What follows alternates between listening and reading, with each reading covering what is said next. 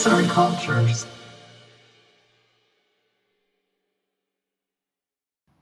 Aç gözlü kral. Ülkenin birinde aç gözlü bir kral yaşarmış. Bu kral o kadar aç gözlüymüş ki sevmediği yiyecekleri bile halktan alıp saklıyormuş. Halkı da bu yüzden hep aç ve yoksulmuş. Bir sabah yine harika bir sofra hazırlanmış. Masada her şey varmış.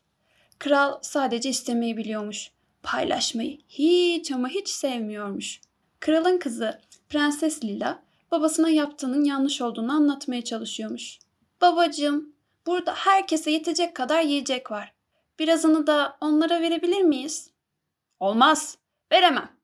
Hepsi benim. Hepsini ben yiyeceğim. Kral o kadar hızlı yiyormuş ki yerken ağzından lokmalar dışarı çıkıyormuş. Aç gözlü olduğu için doymasına rağmen yemeye devam etmiş ve o gece çok hastalanmış. Hemen kralın şifacısına haber vermişler. Şifacı elinde ilaçlarla gelmiş ve krala ilaçlarını vermiş. Sabah olmuş ama kral hala hastaymış. Şifacı başka ilaçlar da getirmiş. Kral yine iyileşmiyormuş. Prenses Lila'nın aklına bir kitapta okuduğu köy gelmiş.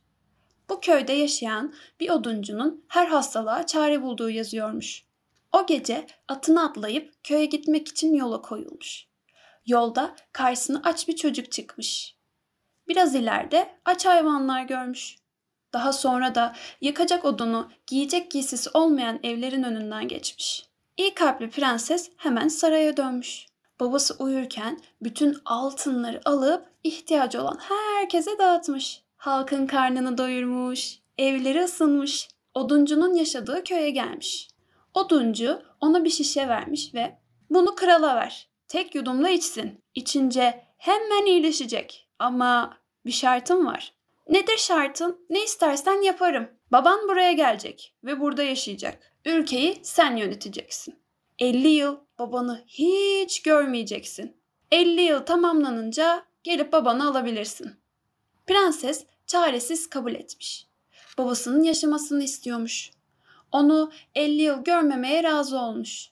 Saraya gidip şişedeki ilacı krala içirmiş. Kral hemen iyileşmiş. Prenses oduncunun şartını söylediğinde kabul etmemiş ve o gece yine hasta olmuş. Hasta olmaktan korktuğu için ertesi gün çaresizce kabul edip oduncunun yanına gitmiş. Aradan aylar, yıllar geçmiş. Prenses ve ülkesi çok mutluymuş. 50 yıl dolmuş ve Prenses Lila babasını görmeye gitmiş. Onu ilk gördüğünde tanıyamamış. Babası yaşlanmak yerine gençleşmiş. Prenses babasına bunun nasıl olduğunu sormuş. Babası, ben hayatım boyunca hep hata yaptım. Aç gözlülük ettim. Buraya gelince paylaşmayı öğrendim. Güzel duygular beni gençleştirdi. İçimi güzelleştirdi. Prenses Lila çok mutlu olmuş. İyiliğin her şeyi güzelleştirdiğini, babasının da anlamasını çok sevinmiş. Oduncu sözünü tutmuş, kralın gitmesine izin vermiş. Artık ülkelerindeki herkes mutluymuş. Ülkeyi yeniden kralın yönetmesini istemişler. Çünkü onu artık çok seviyorlarmış. Seslendiren Nurdan